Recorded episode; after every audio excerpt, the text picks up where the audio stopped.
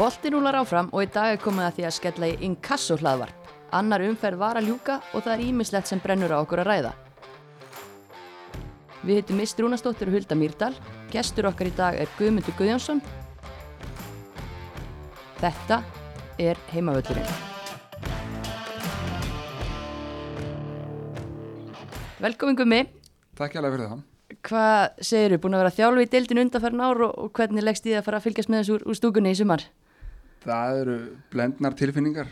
Það er vissulega meira skemmtilegt að vera á línunni og taka þátt í þessu en, en það er líka fínt að vera áhyggjulegs bara fyrir utan og gaman og, og leiða hinnum og svo framvegið. Sko. og enda svo bara í heimavöllin á heimavöllin mokkur, það er ekki aðmalagt það er, gæti verið verða Nákvæmlega En hvað hérna, já þú ert náttúrulega búin að vera með íerliðið undanfærin ár og, að, og þekki dildina vel. Já, já. Ertu hérna, hvernig svona leggst þetta sumar í þig? Þetta er bara mjög spennandi og áhugavert og ég held til dæmis að dildin í árverði mun jafnari heldur en til dæmis í fyrra. Það vissu allir á þannig móti byrja nánast að fylgir og haukar, nei fylgir og eitthvað er að fara upp þar sumarið. Þetta eru fleiri spurningamerki núna Algjörlega, ég held ég við séum alveg sammálar í því en kannski áður en að við förum að leggjast alveg í dildina þá var náttúrulega rosalegur hérna, stórleikur á lögadaginn ústættalegur meistardildarinnar hérna Þetta líjónlið, þetta er náttúrulega bara líilegt, algjört yfirburðar veldi. Mm -hmm. Þetta er bara magnalið, alveg frábært að fylgjast með. Fjóruði meistaradelda titillin í, í röð, sjötti titillin á nýju árum, bara rosalegir yfirburðir og þetta var eiginlega aldrei spurningum hvort liðið myndi vinna, heldur bara eiginlega hvort að Barça geti gefið þeim leik. Já, já, mm. Barcelona-liðið er frábært og búið að standa sér virkilega vel og búið að slá út bæinn og, og stert Lilleströmliðið út á leiðinni í úslitin og, og svo Líón er þetta rast á alveg lið Chelsea og, og, og Söru í Wolfsburg og fleiri sko uh -huh. þannig að og skoðar bara skoðar síðustu 20 leiki hjá Líón bara núna á þessu tímbili og það er bara sigur í, út um allt og vallaðar fá þessu mörg sko. Emi, það er tapa ekki leik það er bara tapa ekki leik. Rosalegar og svo erum við ágætis markaskorur að hana já, gæti sloppið inn í inn í innkassó hérna heima og myndi byrja fallega. Já, Ada Hegeberg þrenna eftir hálftíma í úslítileik meistaradeildar Európu hún er ekkit að grínast. Nei, nei, það er eitthvað til að sé að batnabötunum frá já, hvað mm. heldur betur og líka bara það sem að þú veist, mér fannst flott er bara öll umfjöldin í kringum þetta samfélagsmiðlar og bara hjá þessum liðum allt efnið sem að fjekk og maður gatt fylgst vel með þessu Já. mér finnst það breyting, þú veist, í fyrra þá vissi ég ekki að þessi leikur hefði verið spilaður. Nefnum bara því að Sara var að spila Emmett, þú veist, Já. það er eina en núna fær maður bara að það er auðveldra nálgast upplýsingar, það er verið að gera vídeo, það er verið að setja á Instagram skilur, mm. maður getur aðeins komist nær þessum stjörnum Já, þetta er ekki bara einn, tveir miðlar sem er að tala um þetta, það, þetta er út um allt þetta er mm -hmm. öllum sjónastöðunum í fréttunum þetta er sínt beint í sjónarpinu allar, allar fréttaveitunar á netun er að segja frá þessu mm -hmm. þetta fer ekkert fram hjá hana lengur Nei. og það að Ég var myndið Barcelona í síðustu viku og það glætti mig opbúslega til dæmis í opumberu hérna, Barcelona búðinni þar sem hafa nú yfirleitt bara hangið Messi treyjur.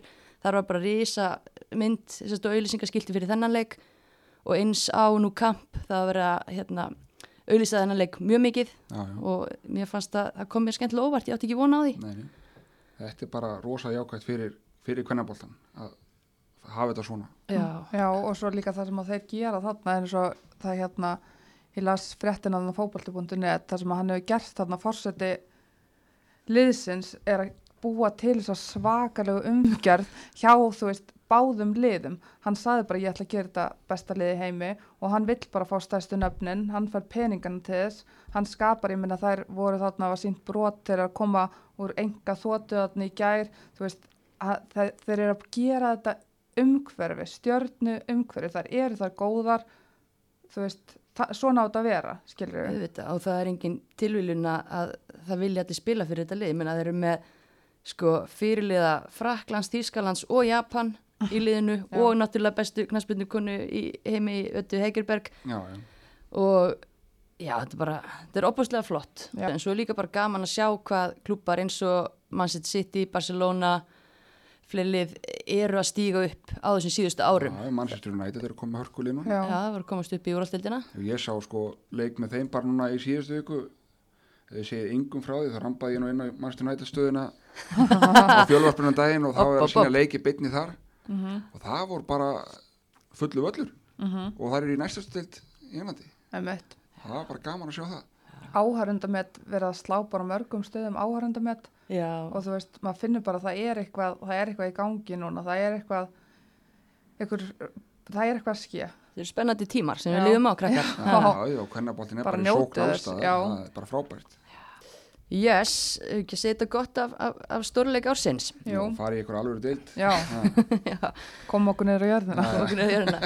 Það er kannski reyndar eitt sem ég langar rétt að hlaupa yfir með ykkur áður en að við förum í, í þessa alvöru deild að, að hérna, byggakefnin, mjölkubyggarinn er, er byrjaður Mhm, og þannig að Já. svolítið af þessum liðum sem að eru í inkasso sem eru þar búin að vera í stórum hlutverkum. mhm.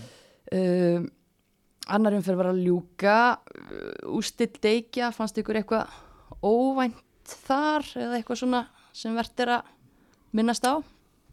kannski ekki óvænt, bara meira gaman það var hörkuleikur upp í Mosó Já, vá. Vá, já. ég var með þriðaflósleik á vellinu við hliðan og, og maður átti alveg erfitt með að halda einbeitingunni að, að fylgjast með sínuleik það var mikið aksjón á, á vellinu við hliðan Já, Það hafði hún Rakel sjó í gangi, já, stelpana hlaði í þrennu. svakalegt sigumark hana á 120 mínútu já, einmitt, draumur að skora 5-4 Ísköld. mark á ykkurspinna og við, við vorum nú búin að velja hana sem leikmann fyrstu umferðanar á heimaðallinum. Hann er líður vel í byggarnum. Já, hún, við gátum ekki látað hann að hafa fleiri vinningar.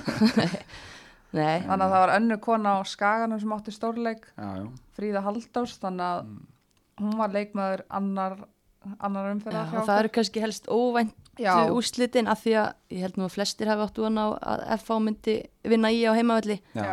En- ég reiknaði með því Fríða Halldórsdóttir og, félagar, þær voru ekki samanlega því og, og unnu þarna í svaka baráttuleik Já, og Fríða gjóðsannlega frábæri þeim leik. já, ég hitti nú þjálfara FA eftir þennan leik og ja, hann, hann átna aðstafþjálfara og spurði hann aðeins út í hennan leik ég sá ekki leikin, hann sagði að þetta hefði bara verið baráttu leikur og, já, og ef það er eitthvað sem þú ert ekki að kenna skagamun þá var það að berjast og, og það gerði það og, og skilur sínu þannig sko. já, ég sá einmitt hérna augnablik gróta og þar einmitt bjóst maður kannski við bara örugum sigri, ég veit þetta er örugur, þetta er fjögur eitt sigur, en síðustu tvö mörkinu augnablik koma á síðustu tíu mínútonum og það er gróta komið bara óvart í þessum leik hvað þar, hvernig það er að spila boltanum.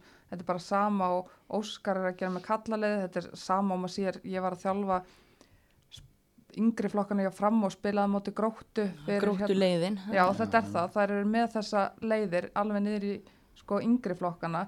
Bara spila út frá markmanni, halda bolta og það var bara, þetta var gaman að sjá það á móti augnablik, þá er það bara það er þrykkjanum aldrei fram. Það er aldrei þetta panik eða eitthvað þó kannski, já, núna er ég, ég er náttúrulega að þjálfa hjá félaginu núna já, með annan og þriðaflokk hvenna og þetta er bara eitthvað sem er lagt upp skipin bara. félaginu. Já, sko, það er engin enda við mig að ég verða að gera þetta svona en okkur finnst þetta óbúrslega gaman. Mhm. okkur finnst gaman að, að markmenninur okkar eru góðir í fótbolta. Þeir- það er taka þátt í leiknum Já. fáboltanu eru notar ekki bara til þess að vera fyrir einhverju skotu frá anstæðingunum heldur eru hluti af uppbylnu Mhm. og, og nútíma fótbolta þá þurfa markmenninur að geta gert þetta. Já, Einmitt, og það er líka bara einmitt að vera þólimóður á kostnað einhverja skyndi lausna því að þetta er að skila sér. En þetta tekur tíma eins og segi þegar þeir eru að byrja ef þau eru að byrja þessu í yngri flokkana. Þetta er áralöng þjálfun og, og hérna Og það- fínisýring þólir maður þessu inn á? Já, já, og meðan að sko, krakkarnir eru að þessu og, og eru að fara eftir þessu og reyna að gera þetta, það munu, það munu verða slís, það munu fá á sig mörg, en, en til lengri tíma litið þá er þetta, held ég, mjög gott skref fyrir krakkana og held að fleiri félög ætti að taka þetta til sín. Við höfum, eins og í, í þessu yngriflokkastarfi, hvenna megin, sko, við erum búin að spila við fullt að liðum í alla vetur. Þar sem að við höfum bara litið á þannig að við höfum verið í stór hættu. Af því að, að því að leikmenn í sumur liðum eru bara neglandi fram í höfuð hæð út í eitt og vona það besta. Já, Skilur, ég er ekki fara að segja öðrum þjálfur hvernig er ég að vinna vinnunum sína en það væri ósku gaman ef að, ef að fleiri myndir reyna að spila bara skemmtilegan já. fallega fótbolta Þetta væri nú alveg sér þáttur að ræða bara yngri flokka já, þjálfun. já. Já, Það er einmitt, já. og haugur og fólki tilbúið að tjá sig um Já. algjörlega. Ég er allan bara til að ræða það. En já, Völsungur vinnur svo Sindra 2-0 fyrir áfram. Já, Uh, og fá þetta, skemmtilegt verkefni í næstu umferð já, já, já. Ah. Hvort lið fekk heimaleikin? Var er það ekki Þór... Þór Káa heima Jú, ég held Ég Þór. Ká, já. Ég. En hérna, mér langar svolítið að rósa Sindra sko, ekki fyrir þennan leik endilega, en, en leikin og undan, því þær voru ekki búin að vinna alveg bara, ég man ekki, ógeðslega lengi, en, en tóku fjaraðbyrð hött leikni mjög samfærandi hann í, í fyrstu umferð. Þannig að smá rósa á, á, höfni í hotnafyrði. En auðvitað hrósa á Völsung líka og það verður skemmtilegt að hérna, ferðarkostnaðurinn er ekki, að- ekki að fara að buga þær í næstu umferð. Nei, nei. Og hérna, já, og svo var það auðvelt hjá Tindastól sem að vann Hamrana 8-1 í, í Norðurlandslag. öðrum. slátrun. það komið svolítið óvart ég Já. sko auðvitað eiga stórnar að vinna hamrana en ekki 8-1 Nei, veist, hamrarnir, við, sp- ég spilaði á móti hamrarnum í fyrra og bara hörku lið. Veist, vel spilandi og eru svona held ég í grunninn alltaf að fylgja stefnuna stonna hjá, hjá Þór Káa spila sama leikkerfi og, og fara í gegnum sama þjálfara prósess og, og þær. En þetta komið svolítið óvart. Sammála, svolítið stórt, já. svolítið stórt mjög stórt, þó að, þó að hérna, það sé nú þannig að það er ekki hægt að spila fótballtileika á sögurkröki þessi dagana og þessi skoru 9-10 mörg. já, já, við, Förum í Það hafa verið að dreifast aðeins en já, já. En, en hvað leikur finnst ykkur mest spennandi en í 16 lögúslitunum? Hvað er mest má djúsi? ég ekkert nefna þrótt haugaleik. Jú, jú, þú, þú ferð klára, umferðina.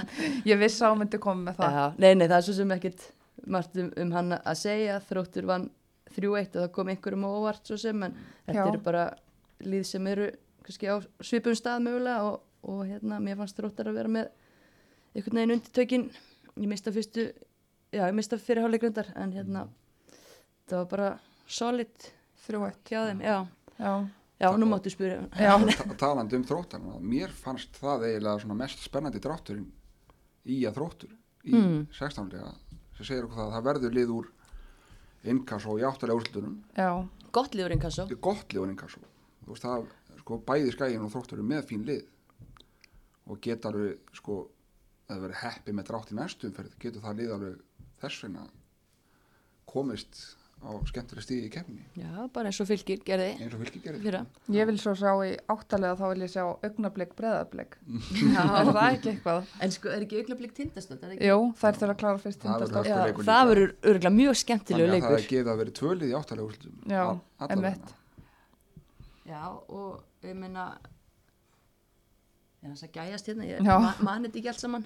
Nei, þetta er, En hérna, jú, ég held að ég er sam sé sammála gumma með að, að þessir inkasso slægir, það, mér finnst það svona einna mest spennandi fyrir í næstu umferð.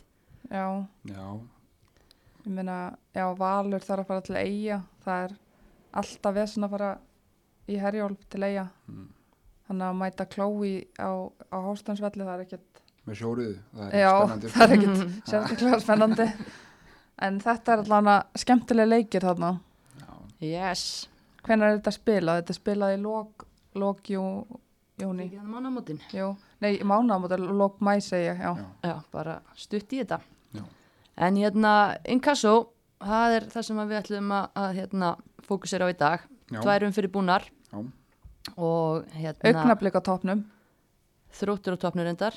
Já Sorry Uh, þeir eru skárri augnablik. markatölu, þetta er augnablik Já, já, já, en þeir eru með full, fullu stiga eftir, eftir þessar fyrstu, fyrstu umferðir. Hérna, Gummið, þú fórst á völlin í dag. Já, ég kíkti á svona fyrirfram þegar maður talið að vera stórleik umferðinar held ég Er það ekki? Jú, Ekki sammála um það? Haukar þróttur. Haukar þróttur og svona fyrir hlutlu svona aðla var sá leikur ekkert sérstaklega skemmtilegur var, þetta var ekki hérna, leikur margra marktækifæra. Og mér fannst þessi leikur engyndi svolítið að því að það væri spenna í loftinu. Og, svona, og sennilega bara góð ástæða fyrir því að það var spenna í loftinu. Haugarnir ætla sér og ætluðu sér að vera í topparötu þeim var spáð góðu gengi fyrir tímabilið. Uh, voru ekki á öðru sæti í spá fyrirlega forðamanna Jú, akkurat.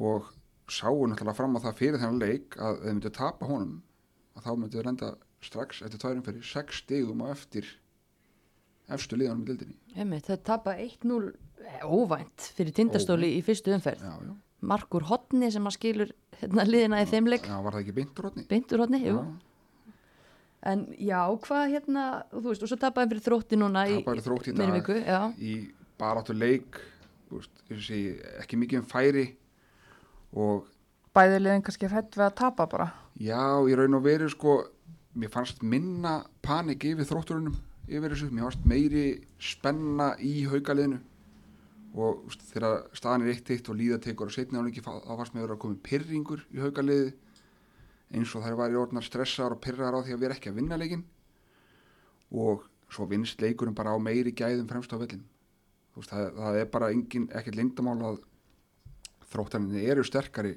fremst á vellin heldur en haugarnir og eiginlega flest, flest önnur lið í deildinni þú veist, sem eru að keppa þarna efst í deildinni. Já, uh, já, og náttúrulega með skemmtilega sendira sem að koma að báðum þessu mörgum já, Linda Líf og, og svo Loren Veit sem að skora síðumarki eftir hérna, undirbúning Linda Líf, er það ekki? undirbúning Lindu og, og ég er mikið ég er aðdáðandi Lindu þú veist, já, mér finnst hún frábær, tekur mikið til sín og það er alltaf hætta af henni. Eins og í leiknum í dag það, það voru stundum að koma boltar inn fyrir vörnina þar sem að virtist aldrei vera neinn hætta. En svo var hann bara mætt. Úst, maður kannski kíkti eitthvað aðeins í hináttina því að maður held að vera búið. En þá var bara Linda mætt komin á ferðina, búin að geta upp vörnina og komin í færi eða hálfæri og hún fekk hún, skora fyrsta markið, gera það vel leggur upp sigumarkið í lokin gera það líka mjög vel. En þar fyrir utan fer hún tvís og þrís í gegnum hjá þeim þar sem að hún kannski slúttar ekki sérstaklega vel. Eða farin að taka löng skref og þarf að tegja sér í boltan og svona. En frábær leikmaður og gulls ígild fyrir þróttan að hafa náði hann Ég hef sagt það áður og segið aftur, ég skil ekki hvað Háka Víkingu var að pæla. Bara, Nei, ég, seg, ég segi það með ykkur já, hún er fætt galið. 2001 þú veist, Háka Víkingur hefur verið í, eða bara vantar fleiri svona spennandi sóknar leikmenn Vanda sendir já, bara. já, sko, Háka að sækja sendir eitthvað til Tyrklands og Albaníu eða eitthvað og, og eru síðan að senda hann í burtu Já, maður skilur þetta ekki. nei, Mér finnst- og annað bara að það hljóta að vera fleiri lið sem að geta hugsað að nota hann. Emitt Þú veist, Já, með ætli- fullri virðingu fyrir þrótti það eru lið í, í pepsileginu sem er ekki með markaskórar og nákvæmlega. hérna, svona eiginlega markaskórar þannig, þó þau kannski haldið það. Já, já, já, já. það er svo annað. Algjörlega og ég meina hún er að fara að skora mörkið sér deild í sumar. ég er tilbúin að henda því fram að hún mun skora allavega 15 mörk í deildinni hún, er- hún er komið fjögur. það er bara tværinu fyrir búin að koma fjögur. Komið já. en uh, ég set press á Lindu og hef trú á henni. Já, Já, við höfum trú á henni líka, hérna, en talandi um markaskorara ef að haugarnir ætlaðu sér að fara langt í sér dild því ég var að horfa hann leika á hann og ég veit að koppi vinnu mér verður ekkert ánægð með mig en ég veit ekki hvar þeir ætla að segja mörg voru þið ekki gemt á bekknum í dag? sko þeir voru með þarna leikmenn framála á vellinum sem að mér fannst ekkert sérstaklega spennandi. Var ekkert að skeið þannig að það var lítið að frétta og það kom hann í byrjunuleiks nokkra sóknir þeim upp í hotnin þar sem var reynda fyrirgjafir og, og markið er að þetta kemur eftir fyrirgjöf út í tegin þar sem er klára vel af henni sæjunni en þar fyrir utan fannst mér það aldrei líklega til að skora fótballtamark en hún sem kemur frá þrótti Séra? já, Sierra hún, hún var arvar slöki í þessum leik. Og ekki neinu standi fannst mér og röltandi um völlin lungum stundum. Og mér fannst ég að því ég var að horfa leikin sko haugandir með efnilega stelpur eins og hana, hana Elínu já, á bekknum. Og vitandi af henni hann á bekknum í 85 mínútur og séru röltandi hann um völlin fannst mér bara grátlegt. Af hverju er hann ekki að spila Elinu það er hann sóknar efni þú, veist, þú ert með sko stelpu sko óbóðslega efnilega af hverju ekki bara hendina hann inn og láta hana spila og gera sitt besta djöflast þarna og skora kannski í mörg hér og þar í staðan fyrir að vera með þennan atvinnum hann hann inn á hún klítur að vera að fá borgað og hérna og sér, Já. og, það sem er að koma frá hann er ekki neitt já, Nei, akkurat, hún er náttúrulega eftir að komast kannski betra stand, hún er að koma er að barneignar svona, og svona. að það Já, Það en, er en það. það er sama, ég minna að þetta er aldrei dýrkæft eða þú ættir að fara að spila inn í stand Já. sko, inn í, Já, inn í líka- mót í svona líka bara mikið átt undir. leikmann sem er stelpa sem, þó hún sé fæði 2003 ef hún er nóg góð, hún er búin að vera að skora af hverju spi spilar það ekki bara þínum leikmennum og gefur þeim reynslinn í staðin fyrir að vera borga stelpum fyrir að labba sko, miðað við það sem ég sá í dag. Og ég er náttúrulega bara að dæma át frá því sem ég sá já, í dag. já, en þá bara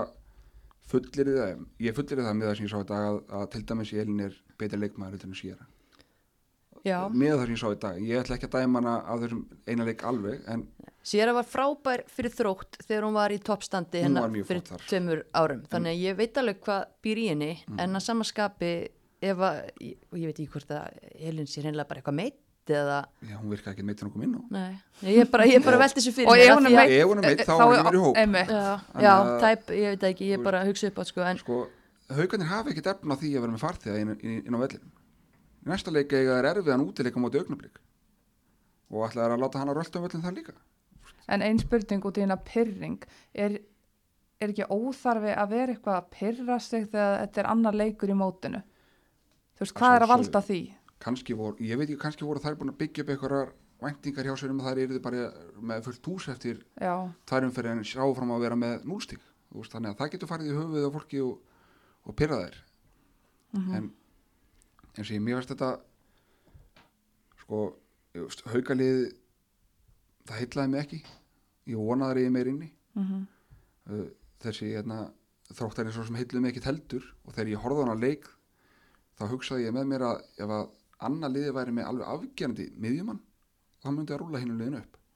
Af því mér fannst engin miðjum að vera að, afgerandi hana uh, seint í leiknum kemur Ísolt inn á í haugunum og mér fannst hún breyta svolítið miðjuspilinu en hún er ekki standi fannst mér. Mér fannst hún fannst hún með gæði og ég er búin að sko vita af Ísolt þegar hún verið í þriðarflokki mhm, það veit allir hvað hún getur í fótbolta en hún þarf að vera í betra standi og hún þarf að vera í 90 minna standi til að nýtast haugunum alveg já, og hún svona, veist, hún var besti miðjumarinn í haugalinn þegar hún var komin inn þótt hann hafi kannski ekki sínt mikið þá, þá fór það ekki fram hjá neinum hvað hún getur í fótbolta um. Já, þetta er áhugavert. Við byggjum haugafólk um að anda inn og út og, og hérna, ekki fara á taugum þó að, Eini, það líka, það, sko ekkert stress vinnið bara næsta leik og Mhm. þá hérna, skoðu töflun eftir það svo næsta leik, kikið þá aftur á töfluna ekki hérna ekki vera að hugsa Ekki um hvað planar- gerist ef þið tapið augnumsleiknum nei. þið er ekki að hugsa svo leiðis nákvæmlega. Hulda, þú varst í grái, eða svona, Já, þú varst í kópói að horfa á var, grái. ég var í Lazyboy stól í, Kópói að horfa. Geggjað by the way að stöðtöð sports ég farið að sína leiki úr inkasso til Já. hvenna. það er frábært og bara verið elva, elvar að lýsa þessu og bara flott sko, Já. flott umgjörð boltasækjarar Pepsi-fánin þó að inkasso þetta, þetta var þetta er vel haldið utanum þetta þetta er bara frábært mm Já. En það var fjölnir í að það var nú líka svolítið spennandi leikur. Já, Svona fyrirfram allana. Hvernig fannst þér þetta? þetta var náttúrulega bara þannig að það var svona ég veit ekki, það var eins og það væri bara eitthvað stress í leikmann fyrstu 25 mínútunar Elvar talaði um það að aldrei sé jafn mörg innköst skilur Bæði lið þá. Já, það, fólk átti bara í bölvuðu brasi með að halda boltan bara inn á vellinum. Þetta voru rosalega mikið bara sendingar hingað og þangað. En fjölnir náðu svona hægt rólega tökum á þessu og náðu að skapa hættulegri færi og þar er mitt Ástrós hún hérna ég veit ekki hvort að hún sofi vel í nótt það er bara þannig, hún brenda einu svona móti hérna móti markmann og svo einu svona eiginlega bara tómt Var mark hann ekki bara inn í markinu? Jú, nánast, þetta hefði verið auðveldur hún hefði sett hann bara innanfóta með vinstri en dendaði utanfótar með hægri framhjá vinstra megin. Um að bara, það hefði verið auðveldur eins og Elva segir að hérna, skora. Já. en hún kom sér samt í þessi færi. Það var jákvæmt, hún var að fá færi trekk í trekk en svo endur þetta bara, það er farin í háluleikin 0-0, Helena hefur komið með eitthvað töfra lausnir í háluleik út af því að þær koma á völlin og 1-0 marki bara einhvern veginn svona, þeir skyndisók hárbolt inn í, Olla fer upp í hérna upp í boltan og Silja sem var að spila sem fyrsta leik í mistarflokki markmaður þeim, hoppar upp. Olla vinnur þetta og boltin endar í loftinu og svo skoblar hún Erla Karitas boltan minn 1-0 þá bara náttúrulega breytist leikurinn fjölnir þetta Mhm. á blöyt huska Ég las sko, ég var að fylgjast með textilýsingunni Já, já. á fótbolti.net hann Baldur Már, hann var bara að trillast þarna því að það voru búin að tellja upp ykkur 6-7 dauða færi sem fjölinskunur hefði ekki nýtt það hefur snert hjarta hans mjög illa Já. það, það rennur fjölnisblóði hjarta hans Já, já, en þa það bara, þú veist, þetta virtist hafa verið bara algjör bíó og svo sé maður bara 1-0 fyrir Ía. þetta var, þetta var, þetta komið mér óvart og er bara sárt fyrir fjölnir að fara 0-0 í leikli ég meina þá ná bara í að stelpur að stilla sér saman í leikli helan nær að stilla þessu aftur upp og svo skorar Ólaf fær stungusendingu, ég veit ekki hvar fjölnisvörnin var. Hún er allt í henni bara ein þarna og klárar þetta vel. Íris reynir að hlaupa hann upp en þú veist það var bara ekki nóg. Ég veit ekki af hverju hún endar þarna eininn fyrir. Þannig að þá er staðan 2-0 og já, ég held að sé á 70.50 mínútu eða eitthvað sem að Hjördís sem að hafði þá komið inn í fjölnislið ung og mjög Ótrúlega efnileg stelpa, Efnileg, já. 17 leikmaður. maður sáðu bara þarna þegar hún kom inn og hún fær boltan og bara þorir að taka við honum þorir að þess að þú veist gera eitthvað, það er ekki þetta panik skilur þó hún sé ung en hún klára það vel, náttúrulega tóri í markinu hjá Ía nagar sig, hvað segir maður handabögginu allan líkamann eftir það að missa fyrirgjöfina bara beint Mm. en hún þarf að klára þetta Samt var Tóri valinn maður leiksins á .net, sá ég. Já, hún ver, hún ver náttúrulega opaslega vel í fyrirháleika móti eins og Ástrósu. Hún er að verja trekk í trekk en hún Já. vissir, hún hefði getið gert betur þarna, haldið Skilur. honum. Erla, hérna, Hjördís Erla fær boltan og klára þetta, þá er allt í hennu tvö, þá er spenna yfir þessu en svo er náttúrulega bara fjölnir að reyna að sækja og jafna leikin, þá, þá opnast já, þá opnast og þær klára þetta bara, vera hann eitthvað skora þarna bara á 90. mínútu. Þá er þetta búið en þetta var svona svolítið ég veit ekki, þetta var ekki skemmtilegt fyrsta hálftíman að horfa á hana leik, bara alls ekki. En ef við, hérna, að því vorum að tala um markaskora já, við erum með augljósa markaskora í skagaleginu já, í einu ólu er fjölnir með markaskora Sko, hefa færanýtingin á að vera svona eins og í dag, þá eru nei, með en þeir eru með Söru. Natju, þeir eru með Söru, sko, við Ástrósu erum með fullt af fínu leikmennum Ástrós, já. en erum við með eiginlega markaskora erum við með, erum við með stelpur sem skora 15 marki fjölni? Mm, Sara er náttúrulega bara svakala ung hún er og, óbáslega ung og hún er ung og óbáslega efni. Já, en við getum ekki lagt 15 mörg á hana Nei. núna, það er bara ekki sens ég meina Nadia, það er kraftur í henni á kantinum, hún er að búa til. Mm. en það vantar, ef að Olla ég er að segja, ef að Olla hefði farið í fjölnistreyna Mm. og verið þarna fremst með Nadiu og Ástrósu. Hún er með þrjú marki fyriráleika Já, þú veist, en hún er mitt gerir þetta, hún, hún vinnur þetta innvíð þarna í fyrir markinu, hún var all, all, alltaf þegar hún fekk boltan Já. þetta er einmitt sem er að sjá svona yngri leikmenn sem er að koma inn á. Þegar þeir fá boltan, það er eitthvað tæknin, tæknilega er þær betri, alla bara tötsið sem hún hefur. Já, já. En það var bara vantaði svo mikið skagalið að koma, þær voru að reyna mikið langa bolta á hana. Já. Sko ég, eins og ég segja ykkur, ég sat á haugaleiknum og spáði hvar, hvar haugandar ætlaði að fá mark. Já, og ég fór þá að hugsa sko, fótball er ekkert flókin íþrótt. Og það er bara að skora fleiri um einhvern hitli þá vinnur mhm. Og til þess að skora þar, það var markaskora auðvitað getur, að skora eitt og eitt mark hér og þar. Skagaliði var með tvo markaskorari fyrir mhm. Mjög góða sem missaðar báðar og Helena er ekkert að byrja í þessu hún bara fór að náði nýjan Mhm. En Hún- vissu, uh, sorry, vissu allir að, ég meina, Olla er efnileg og þetta, en það komið svona óvart hvað hún var fljóta að komast inn í hlutina hjá helinu. Já, sko, Helena náði ekki bara í einhvern leikmann, hún vissi alveg hvað hann var að gera þá að ná í hana. Mm Veist, hún er góð í fótbolta og kann þessa íþrótt og, og les leikin vel og, veit hvað hann er að gera og veit hvað markið er. Það er búið að vera hann í hundra ár og hefur ekkert farið neitt. Og hungruð í meistaraflóksbolta líka. Já, langaði í bolta, Já. hún að vera hann í val náttúrulega yngflokkurum og, og fengi gott uppeldi þar. En hérna, hungur að sanna sig í veist, kannski hugsanlega sendi eitthvað skilabóð, ég er nógu góð, veist, og fer inn, í hvern einasta leik til að skora. En ég er ekkit því ég horfi bara, horfi bara yfir byrjunarlega fjölni fullt af flinkum stelpum Sara er óbáslega góð. Nadja mjög fljót. Ég er náttúrulega þekki Ástrós svo vel. Hún mun alltaf fá færi. Og er búin að gera það síðan ég getist henni færa nýtingin kannski ekki best en hún mun alltaf að færi. Skora hér og þar.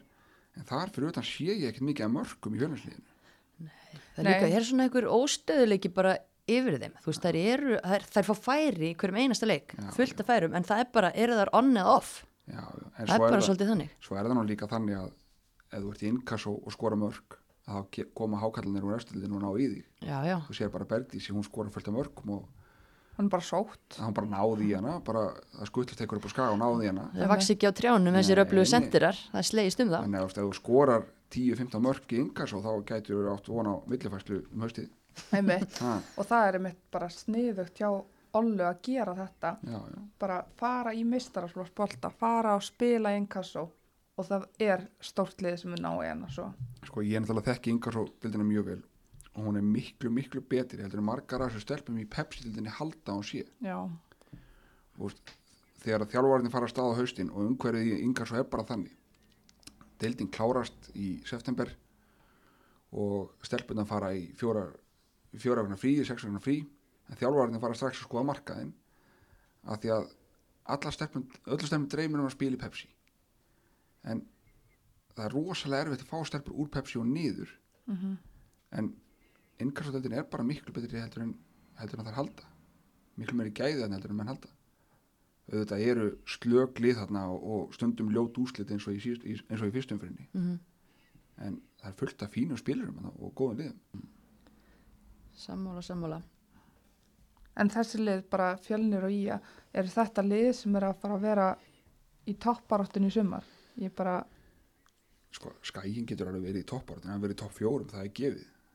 Hvort það færi upp er ég ekkert vissum og hérna ég er ekki heldur vissum að þær hafi á, áhuga á því að fara upp.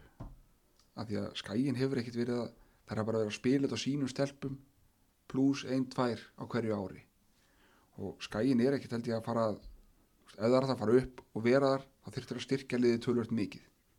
Mm og ég held að skæðin sé ekkit í því. Það eru bara að hlúa sínu og kannski líðin bara vel að vera stert yngarsolið svo má vera- vel vera ég sé bara að það- hvort að metnaðin þeirra liggju upp. Ég væri til að fara inn í hausin og helinu núna og heyra þetta. Sko ég efast ekki um að helina hefði áhuga að fara upp já, en félagi sjálft hefur það áhuga ef að, ef að eitthvað lið þetta áður bara við um öll liðin í yngarstöldinni ef þau ætla upp þá þarf félagið allt að taka á því að það hafa farið upp. Ekki bara fara upp og vera eitthvað hérna, byssufóðu fyrir hinliðin og fara raklætninu aftur. Og er skægin að fara upp og vilja að fara upp? Mér fannst allan með, það, með það sem ég sá í dag þá finnst mér það ekki með nógu stert lið til þess. Nei. ég bara sá ekki, það voru bara ofáir afgerandi leikmenn sem að ég sá í dag Já. en það er klárað hann að leik vel og ég meina þrjú eitt skilur það getur engi sagt neitt við því það eru glaðar með það en bara spilamennskan í leiknum þá þú veist, ef maður lítur á það bara framistöðuna Alltaf tveir erfiði leikir móti FH í síðustu tveimur leikjum hjá þeim, þú veist Já. kannski er það eitthvað að sitja í þeim, ég veit það ekki. getur vel að vera En hvað segir með fjölnisleikum, hvað heldur, hvað sér þær fyrir þeir í sumar? Ég held að það er verði bara um miðja deild þú veist. Það er með góðan þjálfara uh, eða gott þjálfara teimi með fínan hóp og mér fannst að gera bara ágætlega í, í glugganum það voru ekkert að taka of mikið það tóku spennandi stelpu að mínumati Efu Maríu Jónsdóttir úr Val já, stelpa sem ég var með hérna fyrir nokkrum árum í, í öðrum flokki á val. Og ég hef alltaf mikið álit á henni og trúið mér í marg ofta reynda að fá hann yfir í er Það komið tími til að hún líka springi út í meistaralóksbolta því að hún Já. alltaf frábær upp yngri flokkana en einhvern veginn búin að vera á láni hingað og og, þangað og svona. og hérna veist, hröð og gæti rota mann með skotunum sínum sko. Ég hef mikið álit á henni og vona að hún sé hún er á bekk í dag vona að hún veri bara í byrjunarliðinu hana því að því að hún, hún á bara heimi í góðu liði veist, ég væri til í að sjá hana fá hlutverk hana því að hún er bara hörku spilari Já. hún er það, veist, ég, ég hef alltaf verið hrifin að henni sem leikmanni algjörlega. Mm.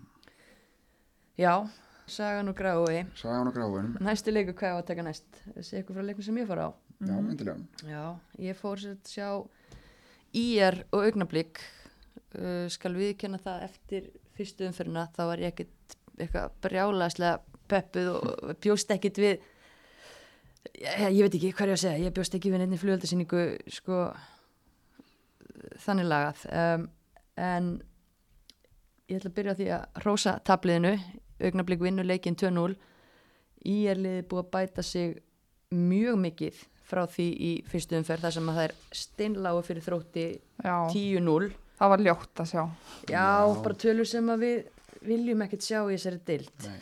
um, en hérna sko, já, það eru búin náttúrulega gerðu vel núna kortir í að glugginn lokaði og fengu Láru mist lánaða úr hérna frá stjörnunni það er náttúrulega mjög góð leikmaður Það var Bara hörku sæning hjá, hjá Ír að ná í hann. já, bara, já, bara óvænt og, og, og skemmtilegt hún var óbúslega góð á miðunni hjá þeim í þessum leik og hérna hún Telma Sigur Búadóttir sem kom líka á láni frá, Frá Val, upparinn Káringur þær voru mjög flottar á miðunni og þessi leikur var bara, ég sá reyndar ekki fyrstu 20 eitthvað svo leiðis en þetta var bara játn í játn, ég liði var þjætt og opaslega baráttuglatt, samstilt vann vel saman. Mm á meðan að einhvern veginn, ég veit ekki augnablík sem er nú þekktar fyrir að vera fljótar flinkar, þær komist aldrei á neitt skrið í þessum leik Nei. það var augljóst að grasið var aðeins að stríða þeim Náttúrulega mikið já. en Sjálfsagt ekki búin að fara út en þá í, í vor sko. Nei, að nei, nákvæmlega. í líunni sko. Á þess að ég veit eitthvað um það. það var eitthvað lítið, heldur að við, við erum búin að taka eina eina æfingu en hérna þú veist, svo kemur bara kemur mark upp úr hotspilnu þannig á 750 myndu á þeim tímapunkti þá var íjarliðið eða líklegra en maður sá það samt að þeim skortir svona ákveðin gæði þarna bara fremst og bara tæknileg tækni hliðin á, á, á íjarliðinu er ekki eins góð og hjá þessum flinku augnablikum og það gerir bara útslæði að það voru, voru gæði upp á toppi á augnabliki sem að náða að setja setja tvö mörg Já, á meðan að vantaði svolítið upp á þarna hjá íringum. Þekki ég nú ágætlega til hérna í, breiðaltinu og sko það má ekki gleyma því heldur sko það er tapa 2-0 fyrir mjög góðu liði þú veist. augnablík er og verður alltaf með gott lið. Þú veist, bara kemur alltaf úr rísa klubbi hérna í, í kvennabaltanum sem er breiðablík uh, í er nær hérna í einhverja 5-6 stelpur bara kortir í 12 á lokategi mm -hmm. og það, það er hafa þá max náð einni að tveimur æfingum saman.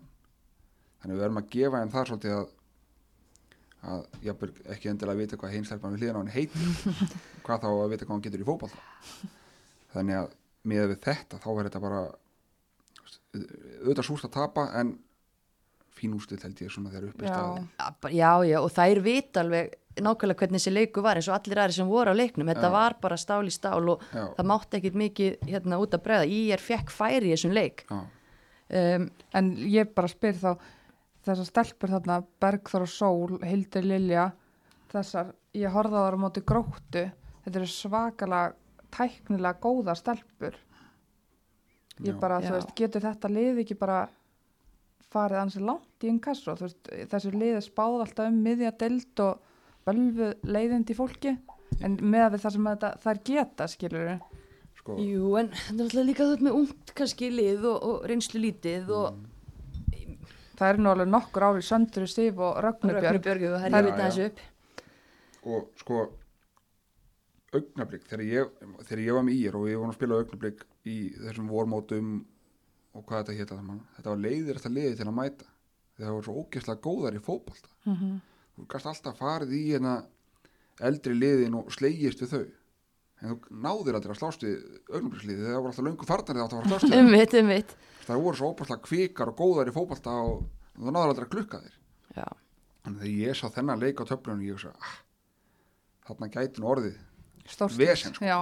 Annað vesen. En það virðist bara ekki að verið og Nei, hann ætla að hjálpa í er að hæja, að hæja á leiknum og spila þetta á alvöru grasi, Alvöru grasi en, og- en það, veist, það má samt ekki taka aðeins, þær voru bara virkilega þjættar og náttúrulega með tilkomu til dæmis Telmu og Láru sem ég nefndi áðan þá er líka þetta að færa leikmenn til og spila til dæmis hafsendunum í stöðu þær voru að spila á miðjunni á Já. móti þrótti og þarna ertu bara komið með nokkuð þjætt og, og, og fínt lið. Og eins og þessi fyrra markið kemur bara frekar óvænt upp úr hotni slítið við því að- að að gera. Setna markið þetta mjög veist, ódýrt, hún átti nú að taka þetta í markinu. Já, hef, og hefur þá, það er stutt á myndi marka hana og kannski lið sem er búið að vera í basli fá óbáslandskell á móti þrótti.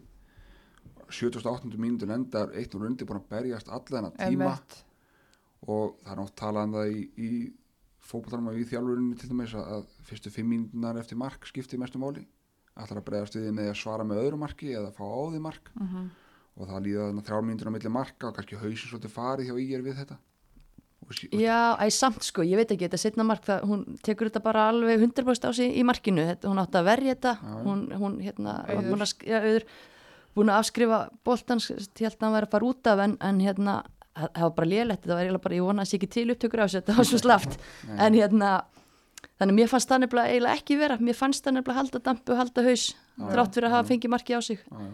en, hérna, en ég er allavega mjög ánað því að ég bara vil náttúrulega hafa öll liðið sér deilt samkefnishæf þannig að það sé gaman að mæta alla leiki og, og ég vona bara ég er haldið áfram að bæta ofan á þetta því Við viljum ekki hafa tíun úr leiki í, Nei, í deildinni, það, það gerir engum gott hvorki liðinu sem vinnur tíun úr ég augunum okkur auðvarum okkur eða þannig ekki um liðið sem tapar tíun úr já, já.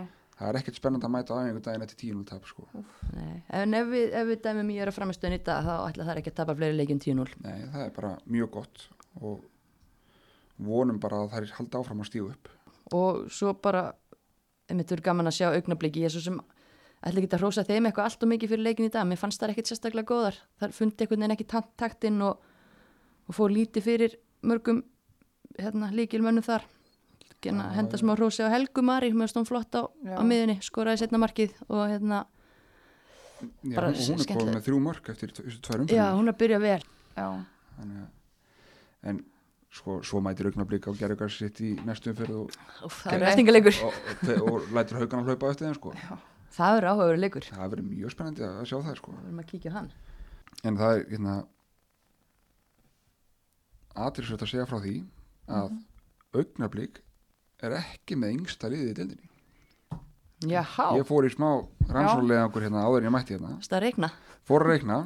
Ég er reyndar að nota bara úslit.net já, þeir eru þar þetta er, er úrvars þjónarsta ég hugsa að það veri bara nóbreynir augnablík væri með yngsta liði en það er náttúrulega með tvær rík fullóttar hann inn á öllinu sem að skemmir það að það er síðan með yngsta liði skammist ykkar, Sandra og Ragnar skæin er með yngsta liði í hérna, það fannst mér svolítið skemmtileg staðrind augnablikir hérna með 20,3 ár allan í byrjunarliðinu í dag já, já. 17 ára á bekknum þetta er, Mm. en skæin, hvað var skæin skæin er með 19,3 ár já, annan leikin í röð Já, það er engin svona eldri og heldri í Nei. skagaliðinu lengur. Nei, sko, þeir náttúrulega fengu Andri og Magg hérna, fyrir tímabilið sem búið að vera meitt Já, og Og Tóri, já. já, Tóri hýfum Tóri er 92 sko en Er hún ekki elst í liðinu? jú, hún, er, hún er elst og, en sko Andrea er nú, Hún er ekki 95 90, já, 90, jú, 95, Já, frekar 95. 94. Já. þetta er svakar langt þetta er mjög ungt skagalið sko og sí, það komið svolítið óvart að hérna, að uppnaflik væri ekki með yngsta lið mér fannst það eitthvað svona sjálfgefið að þetta hefur verið svona annarflokksverkefni Já, hjá, já, hjá hérna, eru- að senda stelpunar í þetta Ragnar og Sandra getur nú líka ve- verið mæður, Já, mæður þeirra þannig, þannig að það er alveg rífið þetta vel upp. já, já. Já, um, næsti leikur, Grindavík og Afturölding mættust aftur eftir framlengdan nýjumarka leik í, í byggar, thriller já, í byggarnum algjöran thriller. Já. og Grindavík kemst yfir að snemmi í leiknum bara, mann ekki hvað, þriðju mínútu eða eitthvað 20. 2004 Nú, ok. stendur hérna. Jæja. snemma, við getum alveg kallað þetta snemma. Já, já, Já, já. eftir, eftir hvernig lítum á það. já, já, en já, koma, komast það nýfur og svo er þetta st- staðan þangað til bara í, í blálókin og þá held maður nú að Grindavík ætla að bara slúti sig örugt en svo nær aftur líka að setja smá smá spenni í þetta. Ég hugsa að það hafi nú farið svolítið hrollur um grindvikinga Já, þegar að það er minguð muninana fengið svona flashback. Þær vita hvað fóturinn á Hafrun og Rakel Já, geti gert og á loka mínútum leikja. Já, Ég er ekkit hissa ef að einhverju svona veðmála óði menn hafi spáð því að þannig er eitthvað markavæsla sko, með að við byggaleikin emmett og, og hólkað á það að yrði slagt að mörgum í svona leik. En þetta var engin, engin visla sko þannig, Þetta voru það þreytar það gæti, það er ekkit getur verið. En þetta grindavíkuleg við vorum hérna töluðum um þetta hérna í ótíma bara spanni þá vorum við um þetta pæli hversu þú sást þarna að voru verið að óskaftir rúmum í grind inn á gefins grind, nei sö, sölu, sölu síðan í Grindavík. Mm. og hérna nú er það með þarna að hafa fengið markmann allavega. Já, eiginlega tvo Það er markmenn eiginlega með tvo markmenn inn á sko. já, það er nú þeir, þeir fengu hann að snemma í, í vetur, hann að Nikól já. sem að var, eða kom til Sindra og var í markinu þar og en í þessu leik er hún útileikmaður, Úti, ég get alveg votta það eftir að hafa spilað á mótinni, hún er alveg frambærilegu sóknamaður og hún er hröð og, og áræðin en, en, en og hleypur opaslega mikið. Já, Já, og hún, þegar hún spilar úti þá þarf eiginlega alltaf að skipta hún út eftir svona 70 minútur já. En þá er bara tankur í búinn og það var svolítið í dag. það er svo leys í dag. Þannig að ég einmitt þegar ég sá þeir hérna, fengu hana þá hugsaði mér byrjuð þeir að fara að taka hana í markið? Af því að jú hún er markmaður en við höfum sér opaslega marga betri markmenn að verðlendu bergi brotnir hérna á Íslandi. En svo verðist vera að þeir hafa bara tekið hana sem útileg því að þeir eru búin að fá an, aðra bandarík stelp í markið. Já, eða bara bæði, veist, ég veit eða bæði, ég veit kannski hinn frábær úti líka spjalla við rey, það skiptir svo milli sín ha. en já, ég, þú veist, áttu þið vona að Grindavík myndi vinna þennan leik í dag Grindavík náður náttúrulega í hérna einhver útlendinga fyrir fyrir lók gluggans. Þetta er aðra bandarík stelpur sem byrjar út af í dag. Sjannan, Já, ég veit ekkit, og maður veit ekkit um þær. Nei, nei, nei, nei, maður Og- veit, já. og þú, veist, þú, þú ert með lið sem að er kannski í erfileikum og færð þrjá geggjaða útlendinga. Það er bara, getur alveg verið nóg. Mhm. Þú veist, við sáum hérna fyrir tveimur um sindraliði sem var ekki Já. upp á marga fiska. Þú veist, bestu úslindi þeirra á undirbúrstímpinu það voru 8-0 og hérna svo náðu þeir í fjóra geggjaða útlendinga og voru frábærar allt sumarið. Markaðustu leikum, var ekki tvær á, Jú, jú. tvær á þreimi markaðustu leikum deildarinn að voru sindrakonur og akkurat, það, þú færð gæða leikmenn. Það gera aðra leikmenn betri. Það er bara þannig. Og þú færð frábæra leikmenn að þá náttúrulega smitar út frá sér og liðið verður betra. Þannig að maður vissi ekki alveg hvert þetta var að fara þetta er náttúrulega líka alveg nýtt lið Grindavíkur liðið já, já. Þú veist það eru nöfnarnar sem maður bara með fullur vinningu kannast ekki við sko. en svo líka gaman að sjá Birgitta Hallgríms skorar Tvö. mörkin. Og líka bara, já, stertið að maður vera að fá lánað úr Keflavík að Já. hérna, já, Birgitta kemur úr Keflavík að það ekki? Jú, jú, það er stutt að fara hann yfir. Já, og kannski skára að vera, ef þú býr í keflæk að fara þangað í lánhöldin að fara eitthvað í, í bæinn. Já, já, og þetta er bara flotta stelpur svo Brynja og Una Margrét sem að ótrúlega skemmtileg leikmaður á að horfa. Ég held að það hafa verið bara sko burt sér frá útlendingunum sem við vitum ekki nóg mikið um þá held ég að þau hafa verið að gera góða hluti með að fá þessa stelpur. En sko, ef við skoðum aðeins afturöldingaliði já, þegar ég var mig hérna á þenni komingað þá fór ég að skoða hvað þær hefur verið að gera í glugganum. Og þær voru að gera ansi aðtýrlisverða hluti hérna bara síðustu dögunum fyrir lók en ekkert af þessu stelpum er með í dag. Já, Nema Elina var með það ekki? Elina er ekki með í dag. Hún Já, var með í byggarnum já, með í byggarnum, já, var já, ekki já. með í dag. Það fengur Ragnið Erlu úr fylki sem er rosalega góður leikmaður. Og ég veit ekki alveg af hverju fylkir er að lána hana. Mér dætt helst í huga að það sé að því að hún sé að fara út í ágúst. Það er mjög líklega skýningin. Hún er náttúrulega út í námi held ég. Hún spilar í dag. Það er fengur Janet aftur mm sem var í liði ásins í fyrra. Það fengur Lindu Esún úr Grindavík.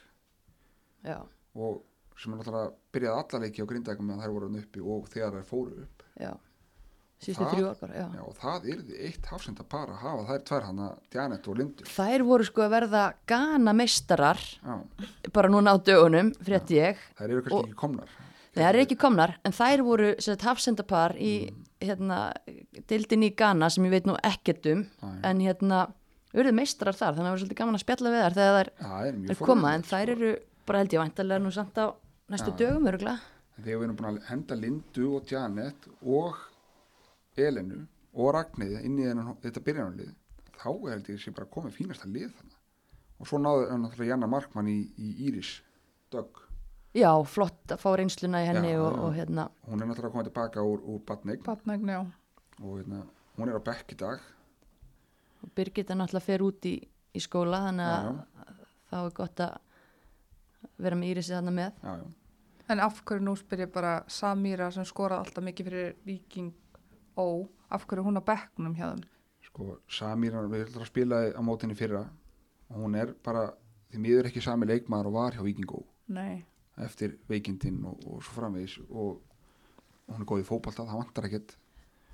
En eins og í fyrra þegar Júli var með Samíru og hana hana Stefaníu já, Valdimars. já, hann spilaði þeim aldrei saman.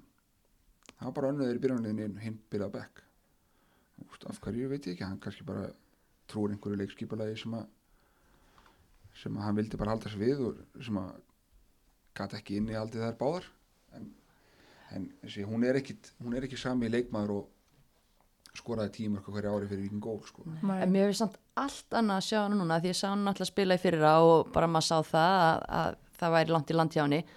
En ég hef hérna fylgdist með þess æfingu hjá þeim um daginn og annað. Hún er miklu léttar á sér, hún er að komast í betra hún er stand gæði sko, er og þau sko. þú veist, maður bara veit ekki hvort hún komist aftur á, á sama flug og þegar hún var upp á sitt besta en hún er í ágætis vegferð en ég get samtalið trúað í að, að leikurinn, byggarleikurinn sitja eitthvað í henni og það sem ég var ástæðan fyrir hún að vera á bekknum í en dag. hún líka býr hérna núna orðið allt árið. Hún er búin að taka allt undum úr stupinu með afturhaldningu ekki eins og það voru alltaf að gera það voru alltaf að koma bara vorin beint úr, úr 40 gráðanum í, í Ghana og, og hinga sko.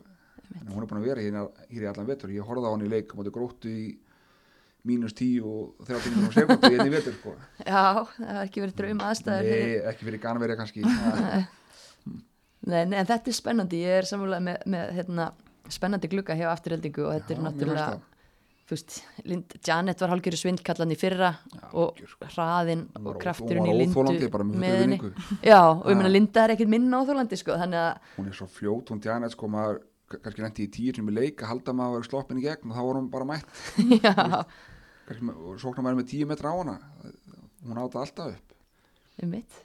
Við bara vonum að þær, þær verið mættar sem fyrst til leiks. já, Dandararandandan, markasúpu Já, leikur umferðarinnar. Hvað er að frétta á króknum? Það er bara eins og ég það er gaman þar. já, Það er bara alltaf, alltaf mörg.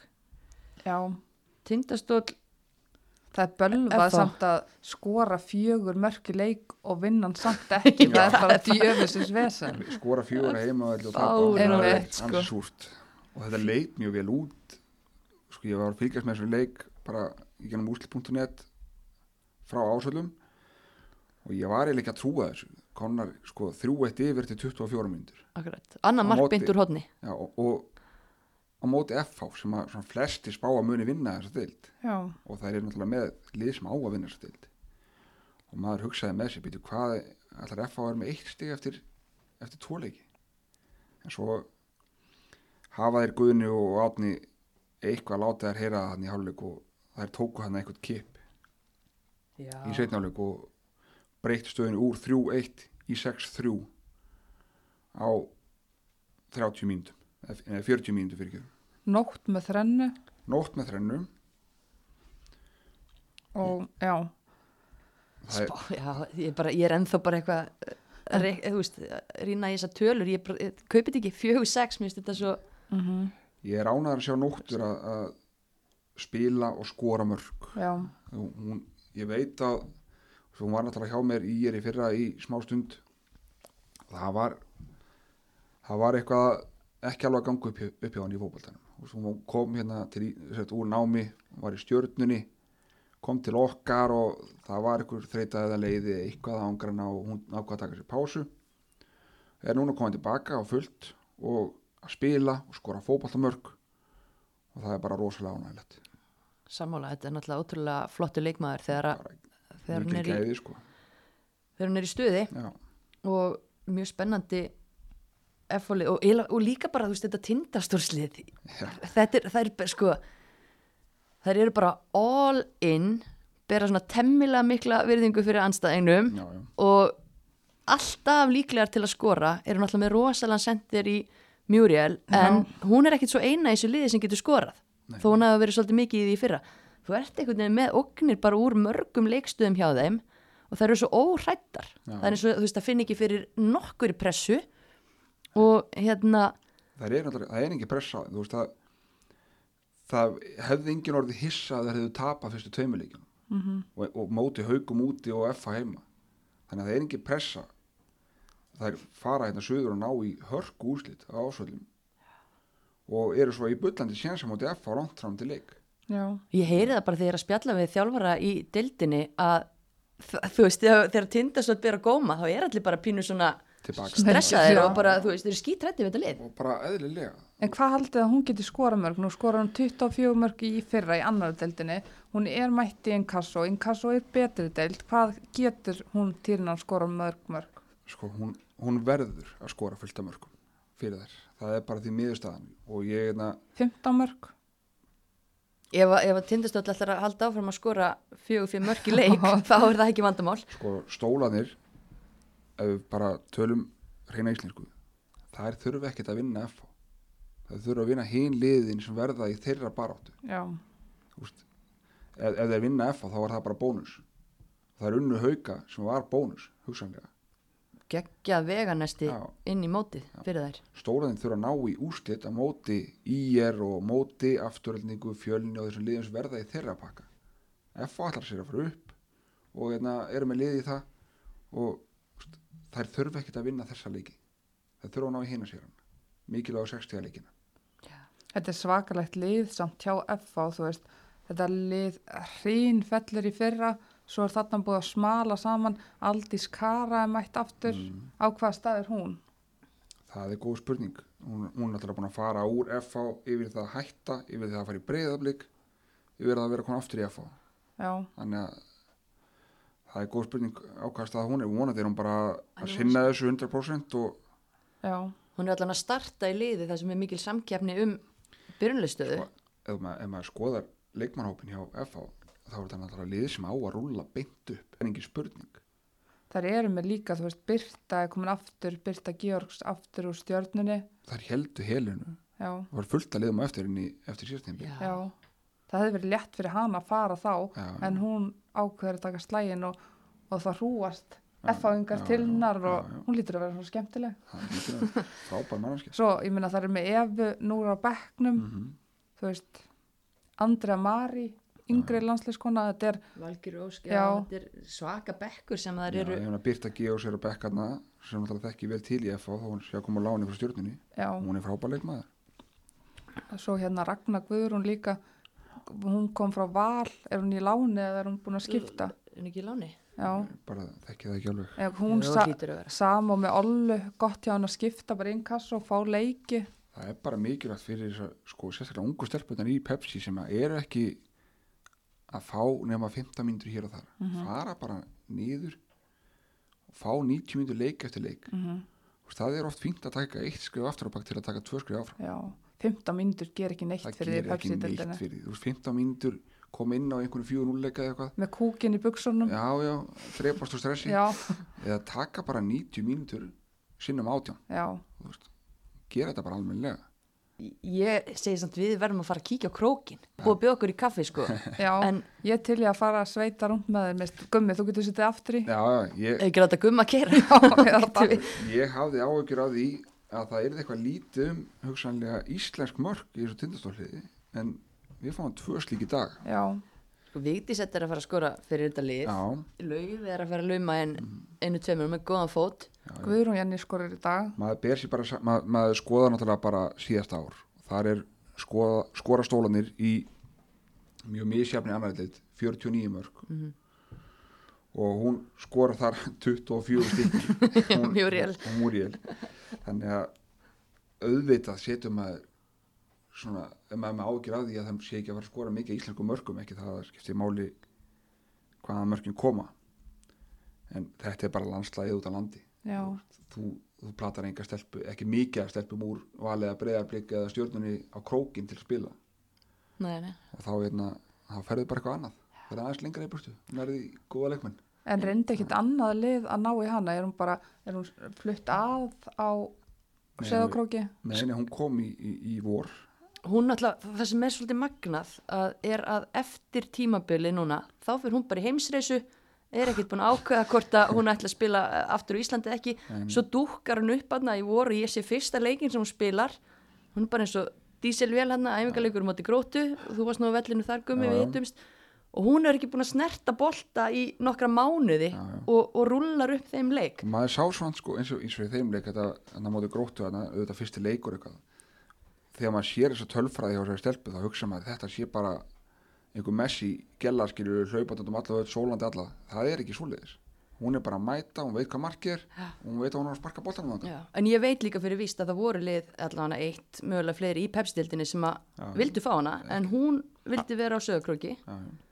Þannig að er henni líður gera vel þar? þar. Henni líður vel þar. Gott að vera, við helsum upp á hana í, í hérna sumar algjörlega. maður á að vera þar sem hann líður vel En hérna, aðeins að því að við erum búin að vera að skoða svolítið hérna áhörðatölur í Pepsi Max. Já. Nú ætla ég að skamma liðin í einn kassadildinni. Við varum að skoða leikskíslunar úr þessum fyrstu tveimur umfyrðum og ég sé bara áhörðatölur úr þremur leikjum já, það er lélegt uh, byrði liðinum að bæta það af því okkur langar að fylgja svolítið með hvernig mætingi verður á völlin já, já, já. einum leik eru 146 og við náttúrulega teljum bara með þá leiki sem að hérna, það sem skýslinu var skilað inn. Já.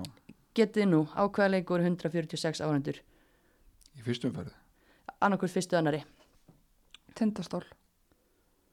Búa svo marg, neða tjók. Nei, það Nei. er, ég er að segja ykkur að út á landi það er myndast eitthvað svona bílu bæja stemming og fólk er að fara á völlin, Já. þannig er það í Pepsi-deildinni, það er mest á Selfoss til dæmis. Hvar, hvar er þetta, sagði ég mér? myndi kannski segja IF og það verið eitthvað þar. Ding, ding, ding, há rétt, það voru 146 skráðar manneskjur á, á IAFH Já, en þessi, við vitum ekki með hitt, það var fullt af fólki á þróttaravellinum um daginn til dæmis það var en mjög vel mætt í, í hafnaferðin menn þeir, þeir voru líka með umgjörð í dag já, alveg var, hellis umgjörð, auglistu greint að það væri frítt inn voru að heiðara Sörubjörk þarna og, og það var fullt af fólki í já, stundum. með leikin líki bytni á Haukar TV á YouTube, já. það var geggjað að geta kíkt aðeins á, á hann þrátt fyrir að já, já. vera það, á öðrum stað það var ekki rífandi stemning en það var fullt af fólki það voru ekki söngvarar, söngvar Nei. í stúkunni sko. það, Hva, hérna, hvað var það stelpuna sem var alltaf vellinum í fyrra hjá þeim í, eða Það- hitti fyrra sig, það var hópur af stelpum með eina trommu gerðu sér líklegar þær voru með unlingaveiki og þorði ekkert að berja í hana sko. Þær, þær voru svona að kýta sína milli en lend þú í trommuna það voru nefnilega fyrir tveimur ánum sko, það voru ekki konar á gelgjuna kannski. Letar í sér heyra. Já, já. en það er náttúrulega eins og vorum að tala um tölunar í Pepsi-deildinu daginn, þetta voru eitthvað 250 manns á leik. Þó við sem að segja að þetta eru lágar tölur þá er jákvætt að það er alltaf að aukast þú fóst á Pepsi-deildina kannski fyrir tveimur árum og þú áttir erfitt með að telja tvo skilur Já, já. og núna er þetta komið þó þetta séu lágar tölur þá er þetta alltaf að aukast. Ég meina ég var upp í gróttu í dag og það var leikur í annar deildinni. Það var bara fyrir leik þau með eiga það gróta fyrir leik bara peppa leikin uh, bjóða upp á hambúrgara Maggi þjálfari er að koma og segja frá liðinu fyrir leikin einhver snillingur frá heimavellin Já, með, með tölu já. líka ég. ótrúlegt en þú veist það myndast þessi stemming og þar var bara full, fullu salur af fólki og stúkan þegar leikurinn var þetta var bara ég, þú veist, full stúka Þú veist, það er svo að því að tala um gróttu já, nú er ég að þjálfa þarna í fyrsta skipti en ég er búin að búa á neðsynni í tíu ár og dótti mín æfir þarna og þeir ger, leggja mikið upp úr þessu bæði í kvenna og kallaboltanum að búa til umgjörðina. Að þú talar um að Ma- Maggi kom hana og spjallaði við fólk Óskar Mhm. gerir þetta fyrir kallaleikina og það er búið að búa til úst, krakkarnir sem er að æfa að yngri flokkunum þeim er smalað í leikina hjá meistarflokkunum til þess að vera boltasækjara leiðin á völlin og alls konar svona. Og eins og dótti mín sem er tíu ára hún, hún getur ekki beðið eftir næsta meistarflokk því að hún vil fara og, boltasækja. Mm og vera í kringum þetta og, og taka þátt í stemningunni. Það var bara ómetanlegt. Na, þetta er ekki bara að mæta vellinu, þetta er góður fótbolti þetta er gaman, já, þú veist. Bara margir Já, samvirkandi þættir. og þarna eru, þú veist, mættir í morgun þetta er ekki bara foreldrar leikmanna eins og var kannski einn áður þetta er bara bæjar félagið en mætt til að taka þátt í þessu, allir að standa saman til að liðið fara á næsta level. Já, þetta líka smitar út frá sér þetta er ekki bara það en að virkja fólki og fá fólki til að koma á völlin þetta smitar út sér í allt félagið Mhm. og liði þessar 11 stelpur sem eru á vellinum þetta, þetta, þetta gefur auka 5% Já, að, að, það séu 200 manns á vellinum en ekki þrjár mömmur og tveir pappar og þetta er líka áhærundu þarna, þetta eru stuðningsmenn, þetta Já. er að láti sér heyra já, já, kalla inn á það. Er bara ástriða fyrir þessu. Já, já. fólk er ekki bara að sita til að vera þarna skilur, það er að sitja þarna til að gera þetta með þeim. Sjálfsögðu. Mm Bam. Mm. Bam, shakalem En við erum með tíu liði í þessari deild Já. og mig langar, það er svo mikið að helling af góðu leikmönnum í þessari deild en ef við förum kannski bara í gegnum þetta ég ætla að byggja ykkur að segja mér hvað tveir leikmenn í hverju liði, við förum bara í gegnum þetta Mm. gætu spilað í Pepsi-deildinni Bara og tvær. Já, bara tvær úr hverju liði. Ef við byrjum kannski. En ef ég get nefnt fleiri þá verður við bara að velja tvær já, ok, Þannig að ef við byrjum kannski bara á du, du, du. Við byrjum á bara liðinu í neðsta sæti eins og er, það er IR já, á ég að byrja Já. Þurfum við að vera eitthvað sammála? eða? Nei, alls nei. ekki Nei. Bara tveir leikmenn í þessum hóp sem að myndu bara plumma sér í pepsindildinni mm. Ok, gummi, þú mátt byrja ok, það er hérna, náttúrulega eins og ég sagði það, ég þekki þetta félag mjög vel og margar eða sumar stelpur í liðinu. Þegar ég horfði yfir leikmannhópin áðan og eitthvað að hugsa þá þekkti ég átta stelpur af átján. Búið að vera mikla hrókeringar hana þess vegna ætlaði ég bara að nefna hana Ír, hún gæti alveg verið í Pepsi. Hún náttúrulega með hún er óbúslega stór markvörður og mikið vængkaf með veikleika sem hún veit alveg af sem er kannski að spila boltanum.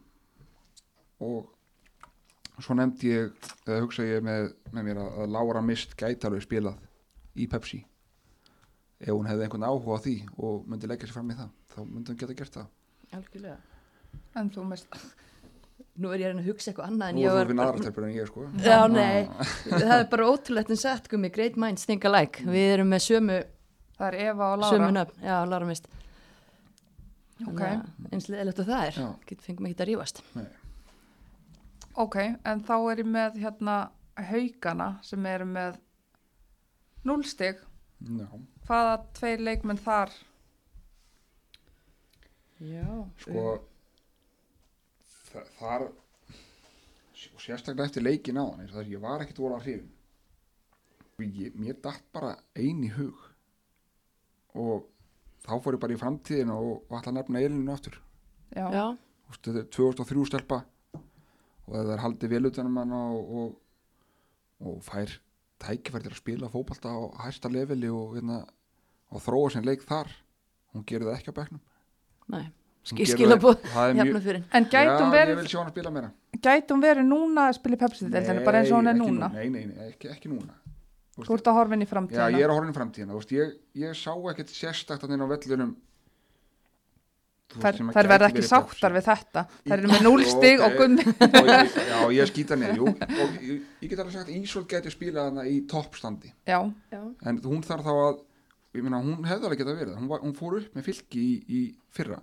Mm og af hverju hún fór niður veit ég ekki. Ég svo sem heyrt einhverja sögur um það en sem ég vil helst ekki vera að fara með hérna í mikrofónun nei, en ég, hún hefur alveg gæði í það að spila Pepsi. Og hérna ef hún er í toppstandi og hún ennir því það. en að þá skal ég nefna hana. Já, ég, við erum ekki sammála hér eða þú veist, jú, við erum sammála en, en ég er með Sæjunni Björnsdóttir á blæði mér finnst hún góðu miðmaður og greinilega var ekki góð í dag en, en hérna, mér fannst hún fín þegar að haukar voru upp í Pepsi hérna fyrir aftan Alexandru. Og svo ætla ég að nefna hana Sandey Markmann því að já, hún er líka búin að sanna sig í, í, í Pepsi-dildinni hún hefur gert það svo sem ég, Gæti ég, stokkið ég gefið henni það líka. En ég er náttúrulega svolítið mikið að dæma þær út frá Já. því sem ég sá í dag og, auðvitað. og ég, ætla samt, ég, ég er ekkert að taka þær að lífi ég hef bara viljað sjá svolítið meira frá liðið sem er spáð öðru seti dildin auðvitað og við verðum að fá að að segja það sem okkur finnst. Já, það er bara liðið, spá, liðið sem er spáð öðru seti dildinni og, úst, er á heimavelli á móti öðru liði sem að er spáð góðu gengi þá vil ég bara fá aksjón og Alvöru hasar- leik. alvöru leik þar sem að ég sé að liðið ætlar að vinna leikin mm algjörlega. Ég sá það ekkit endilega í dag. Mér finnst það stígu, varlega, til jarðar og þessi ég vilja fá meira. Mm en þá eru komin í fjölni já, uh, og ég byrja núna. Já, ég ætla að segja að einn besti hafsend deildarinnar Íris Ósk geti vel spilað í Pepsi. Og mér sýnir Sara Montoro líka bara að vera tilbúin í að sprikla þar. Já, ég er alveg sammála því það, það er ekkit spurning hvort heldur bara hvena Sara Montoro verður í Pepsi. Og veist, ég er eiginlega vissum að nokkuð lið hafa bankað í hana núna í vetur. Það er eiginlega bara 100% svo er náttúrulega Nadia hefur spilað í Pepsi. Hún er mikið hraða. Hún er ekki nátt að sækja það frá, frá Karli föðu sínum fyrir þá sem viti hver hann er hver er það? Þið er svo Atli. ungar Allir hvað? Atli Einarsson Stormcenter með vikingi hérna Íslandsmeistari 1991 með síðahárið.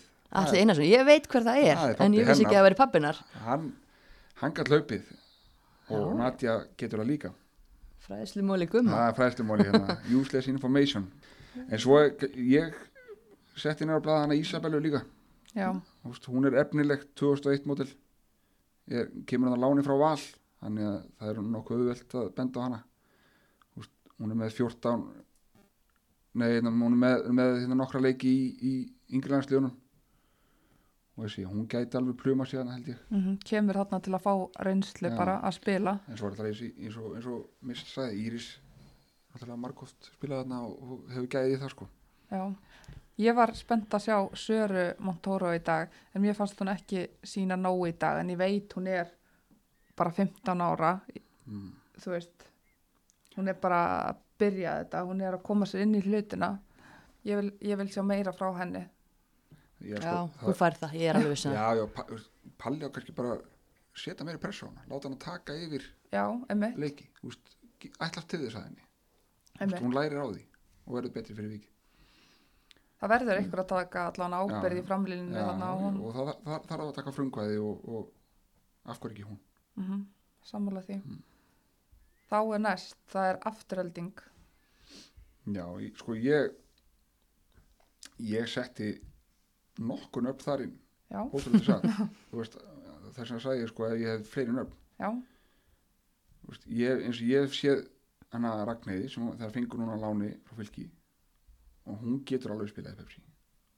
Hún er nógu góð til þess. Þeir eru, eru með hana Hafrún náttúrulega sem er 2002 mótel hún er fín. Og svo hérna veit ég ekkert af hverju enginn hefur náðið Janet. Ha, Ég er svo sammálaðir, ég er einmitt með Janet hérna. hún er náttúrulega hún er, er óbúrslega lága sín en hún vinnur allar skallabóttar sem hún verið upp í Já, og hún er náttúrulega með þennan ótrúlega hraða. Já, mikið sprengikraft. Ég hef aldrei skilið að hún er búin að vera öll þessi ár hérna á hverju enginn búin að ná í hana? En kannski sér einhver annar eitthvað sem ég hef ekki tekið eftir. Já, þú með sama mist? ég er með, ég seti Janet og, og Hafrúnu hérna nýra blað. Og hérna, já. Það virðist allan að vera Hafrún, hún er líkil maður aðna hjá þeim. Ég held að samt alveg, þú veist, ég veit alveg að það hefur verið mikið öruglega að reynda kroppi hana í haust. Ég held að það hafi vel verið fínt hjá hann að taka eitt Já, gott inkasso suma núna. Það liggur ekki það mikið á, hún er það, það ung og við viljum að þess að stelpu sér að taka 90 myndur og verið að hlutverkum Já, frekar heldur en í þessum korters er Pepsi bara bolta. 17 ára sko, En hún, hérna, hún er kannski, hún hefði verið getað að fara í Pepsi og hangið þar á bekk og fengið korter eins og tölum maður en hérna Grindavík, tveir leikmenn þar. sko ég setti ynga á bladar Nei, Já, Ingu eða Inga? en, enga, en þá er ég ekki að dæma ég bara þekki bara ekki liðin og vel til þess að geta nei, ég er eiginlega, eiginlega sammálaðir sko, að því að ég þekki ekki alla erlenduleikmuna. Mér finnst Nikol Maher ekki nógu góð til þess að í Pepsi.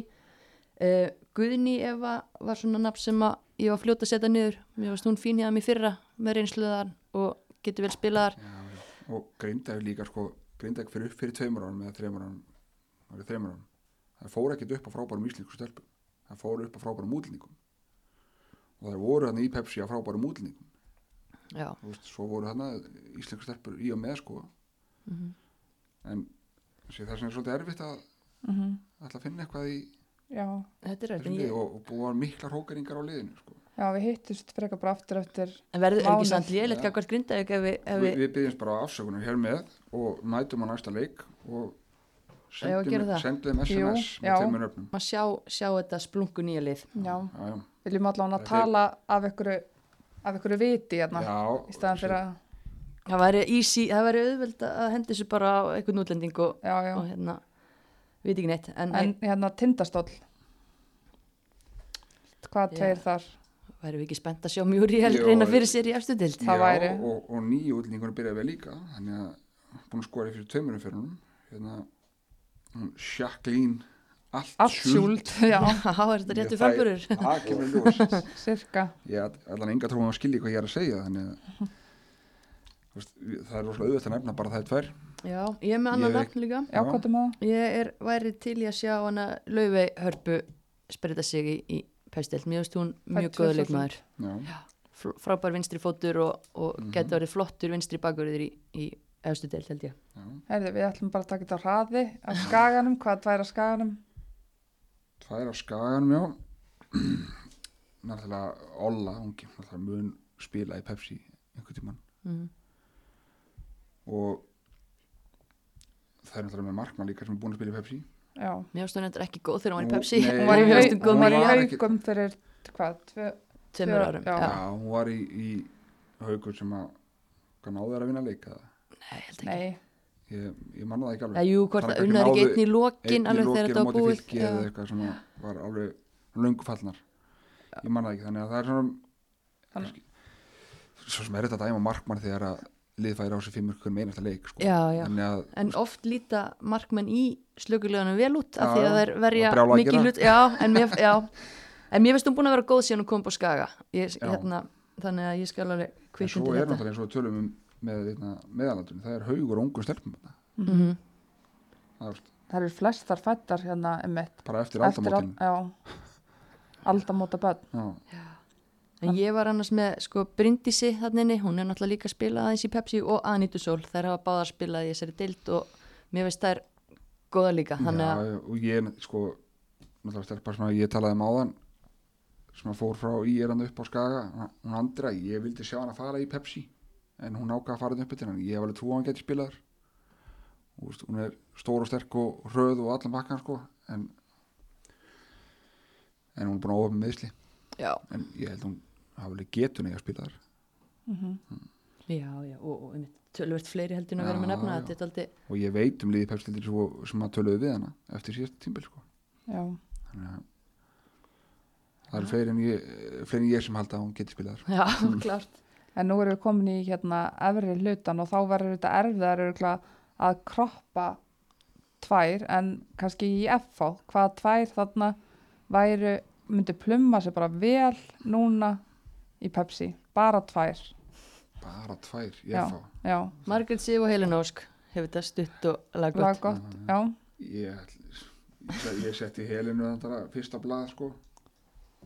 Hún er rosalega góð og svo megðu bara hinn Pepsi, hin Pepsi liðin með að bara velja þú veist, það geta valið fullt af leikmennum hennar sko. Já, sem bara margir séu líka, hún er mikil gæði, nótt, ef ekki gefa henni bara lafni líka, hún fekk það rennu í dag. Jú, Já. það er flott. Gefa henni smá sjátt á þetta hérna augnablik. Já, Bergþór og Sól. Hún mun spila í já, Já, Steinu veist að verið svolítið lengi að hugsa Já. með hana sko, hún skipti mjög seint yfir hérna í augnablík. hún var líka að skora með breyðablika á undirbúningsmótunum en hún er náttúrulega bara 15 ára já. og þú veist breyðablík það væsir ekki um þar Nei. með leikmenn þannig að hún fær reynslu þarna. Já, hún getur klárlega, og þeir eru að nota augnablisliðið í þetta að þróa leikmenn Já. sem er bara frábært verkefni hérna sko. hvaða leikmenn segir þið? ég segi Bergþóra, já, ég sé Já. það líka. Ég Og- held, já, sko það fengur að það líka frá breyðablík núna rétt fyrir lokin hana Kristjónu Já, hérna Sigurs, já, mm hún er hún er góð leikmaður en hún, spilur ekki með í dag síði Nei, Nei, Melgorga Ingibjörg sem ég var búin að setja niður var valin efnilegust í hérna, annar dildi fyrra, hún var reyndar á bekknum í dag en Mhm. ég var búin að setja hana hana Þú veist, þetta er bara, bara þú veist, ég veit að Sandra Sif, hún er hérna orðin hvað 31 árs en hún var móti gróttu eins og drottningan og þessar sendingar frá henni, þessi fótur sem hún er með, já, já. þetta bara, þú veist, það, Hún gæti vel verið að spila í Pepsi dag, hún er alltaf búin að eignast batna og svona, komast í hans betra stand bara já, og- hérna, já, það eru fleiri að nungar einmitt sem við gætum og sem munum, við munum sá þar í Pepsi-dildinni, bara spurning, Já, já. Hvenær? það er fullt að leikmunum þarna en það, þá eru komin í, á þinn heimavöll, mist, þróttur, tvær Já. þar, Sko, Loren veit eins og hún er búin að vera slúta í þessum leikjum síðan hún kom til landsins. Ég væri mjög til í að sjá hvernig henni tekist til mm. í Pepsi, þannig ég ætla að setja hana hana. Uh, svo ætla ég að setja Andriu Rutt. hversu góð er hún? Mér finnst hún ógislega góð.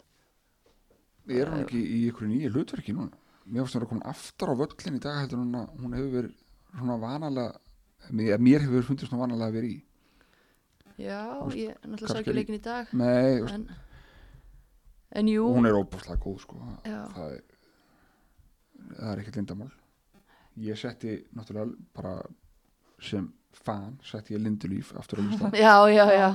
og hérna, ég setti hana hana tinnu, Jelinu tinnu. Já, Mm. hún spilaði þennan leik í dag frábælega stelpa fætt 2003 og þú veist, svo yfirveguð og róleg og bara örug í öllum sinum aðgerðum dag.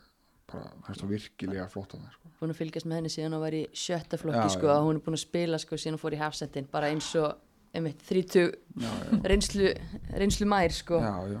Og frábær leikmaður, hún er ég sammálaði alveg Það er erfitt að velja, þetta er svona eins og að velja á milli barnana sína Já, þegar maður er spurður út í, út í þróttarana, þannig að, en hérna nú erum við búin að gera upp umferðina við erum búin að velja hvað tvær myndu plumma sér strax í dag í Pepsi eða í framtíðin eins og komið gerði Já.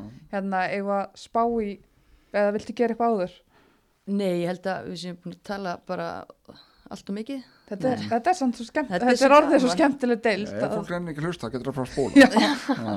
Nei, nei, þetta, þetta er bara orðið fínt, en ef við ekki að grilla gestin, láta gestin spá í næstu umferð. þróttur Já. tindastóll þetta er umferð sem er á föstudaginn er það ekki? Jú, spila á fyrsta, næstu stutt, Mm, stutt í þetta. einn öks, tveir gummi, það er bara, það er einn þróttu tekur þetta þróttur Hvað verða mörg mörg skoruð? 11, 12, 14? sko það verður, þetta verður engin þetta verður ekki því það reikna allir með því, þá ætlum ég að segja þetta verður ekki markavæsla Nei. það verður bara 1-0 solid skrifa Ok. þetta hjá þeim mist já, ok, já. F á fjölnir sko F á að taka það já, veist, við gerum bara það kröfu á þar að, að, að taki þetta. Það er ykkurlega líka sárt fyrir hérna fjölnir sem tapa þessum leik í dag spurning hvort það siti eitthvað í þeim. Það þessi get, blauta tuska sem að er, er, er það ekki bara sama með fjölni og, hérna, og við vorum að tala um tindastóla áðan? Er þetta leikur sem að fjölni þarf að vinna? Veist, það verður bónus sem myndi gera það er það ekki? Ég, veit, svo, F á er fyrirfram með sterkasta liðdildin En maður svo veit maður líka ekki, þú veist, hvað vill fjölnir gera? Ég meina, er, þú er fjölnir að gera kröfu á að kroppa í þessi fjögulið sem öllum er spá, eða allir spá fyrir ofan þær, þú veist, eða er það bara sáttar við það að tapa fyrir þeim? Þú veist, ég, mér finnst það það er skrítið, aldrei sko. sáttar að Já, tapa þú held veist, það fara náttúrulega í alla leiki til þess að reyna að vinna og, og, og, og vantalega með plan til þess að reyna að skila þremur stígum í hús. Þú veist, það, Ég hljóta, það hljóta að vera stefna á efstu þrjú sæti. það er fjölnir. Já, ég, ég held að það væri ekkit gaman í þess annars. Nei, ég meina uh, sko þú ferð alltaf í alla leiki til að vinna þá. Og ég meina ef þú vinnir þá alla þá, ferðu, þá endar öruglega eftir sæti. Ég hugsa það. Þú veist alveg, alveg sama hvernig við reikna þá held ég að það verði alltaf niðurstaðan. Nei, ég er svona, ég er svona að reyna að átta mig á því hvar, þú veist, að því það að, er vilja? Já, það já, væri og hvar þær sjálfar svona ranka Sko, sjálfa sig sem lið. Ég fór allan að kíkta á þeir í vikunni og það var stemming hjá þeim. Já, það er að líka verið svolítið undir svona það farið lítið fyrir þeim undir radarnum. Já, þú veist, ég held að viti allir að F ætlar, upp og, og haugarnir hafa svona óbeint gefið út að þeim langar upp og, og skaganum og, og þrótti kannski líka. Og svo er önnu lið, þú veist það vita flestir að ég er alltaf að reyna að sleppa við að falla en við vitum eiginlega ekkert hvað hvað fjölunir ætlar að gera Nei, ég sé það, það er svona, einmitt hvað langar þeim að gera?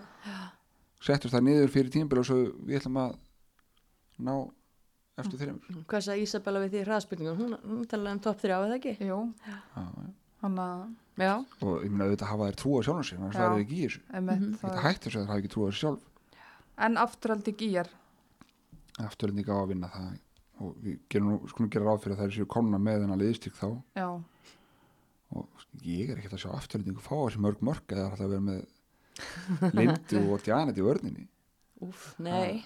Það er rosalegt við afsendapar verðum að til þess að afturlendingu vinni þann leik. Uh í að Grindavík. Já, skæin tíkur það. Bara auðvelt hjá skaganum með já, já, já, það skildu sigur skildu sigur augnablik haukar. Þetta, mér finnst þetta svona einna mest spennandi leikurinn í umfyrinni uh -huh. þú veist, eins og ég saði áðan mí- það verður gaman að sjá haugana slást við kjúklingana já, og ná að klukka kjúlingana sko, á Já. gerðugarsinu sko. þó að hérna, ég hafi staðið í þeim í, í dag að þá ef það voru pyrraðar í dag þá getur það ekki verið úf, minna pyrrandi að Það er að klukka litlu vel pyrrandi að uh, elta, elta kjúklingana í, augnablik sko. já, talandi um það, við vorum að tala um aldur aðan sko, haugatir um elsta liðið dildinni Já, það? er með 25 ára liðið í dag að meðaltali. Já, og voru líka með elsta liðið í fyrstum fyrirni sem var tæplega 24, 25 ára þá. Ok. Já það eru náttúrulega með Dil, Dilja og já. hún er 1990 Já, Já. já, Hildikunur, Rún þetta er, já, það Já, er elsta liðið við, já, það er bara tölfræði sem að er svört og hvítu. Já, já við rýmumst ekkit um mm. það? Nei, Það er það er bara að áhugavert en kemur svo sem ekkert óvart þegar maður fyrir að hugsa þetta eins en já, og, og er að fara að hlaupa eftir augnablistelpunum þannig ég ætla ég ætla að segja 1-2 það að það verður ekki aðtöfni, ég lofa eitthvað því. Ætla að setja háan peninga á þetta? Nei, En þú Hilda, nú langum bara að spyrja þig. Hvað, Augnablik haukar. Va, ég veit það ekki, ég ætla allan að fara þannig leik. Já, mér finnst þetta mest spennandi leikurinn Ég, já, líka sko haugarnir verða að vinna henni leik. Verður nefnilega að gera það. Annars eru það ef við gefum okkur að þróttur og FH og skæin vinni og hauga tapi þá er það nýju stíð upp í eftirlið eftir þrjárum fyrir það, já, það er brekka. Þannig að haugarnir verða að mæti þennan leik eins og byggarsleik og klára. Mm Þannig að- þeir, það er verða að mæti þennan leik og vilja vinna. Er það ekki bara skýr skilabóð, er ekki bara fínt að enda þáttina á þessum nótum? ég set síman á sælinn þegar þessi þáttur er konin loftið þegar koppi ringir brjála sko.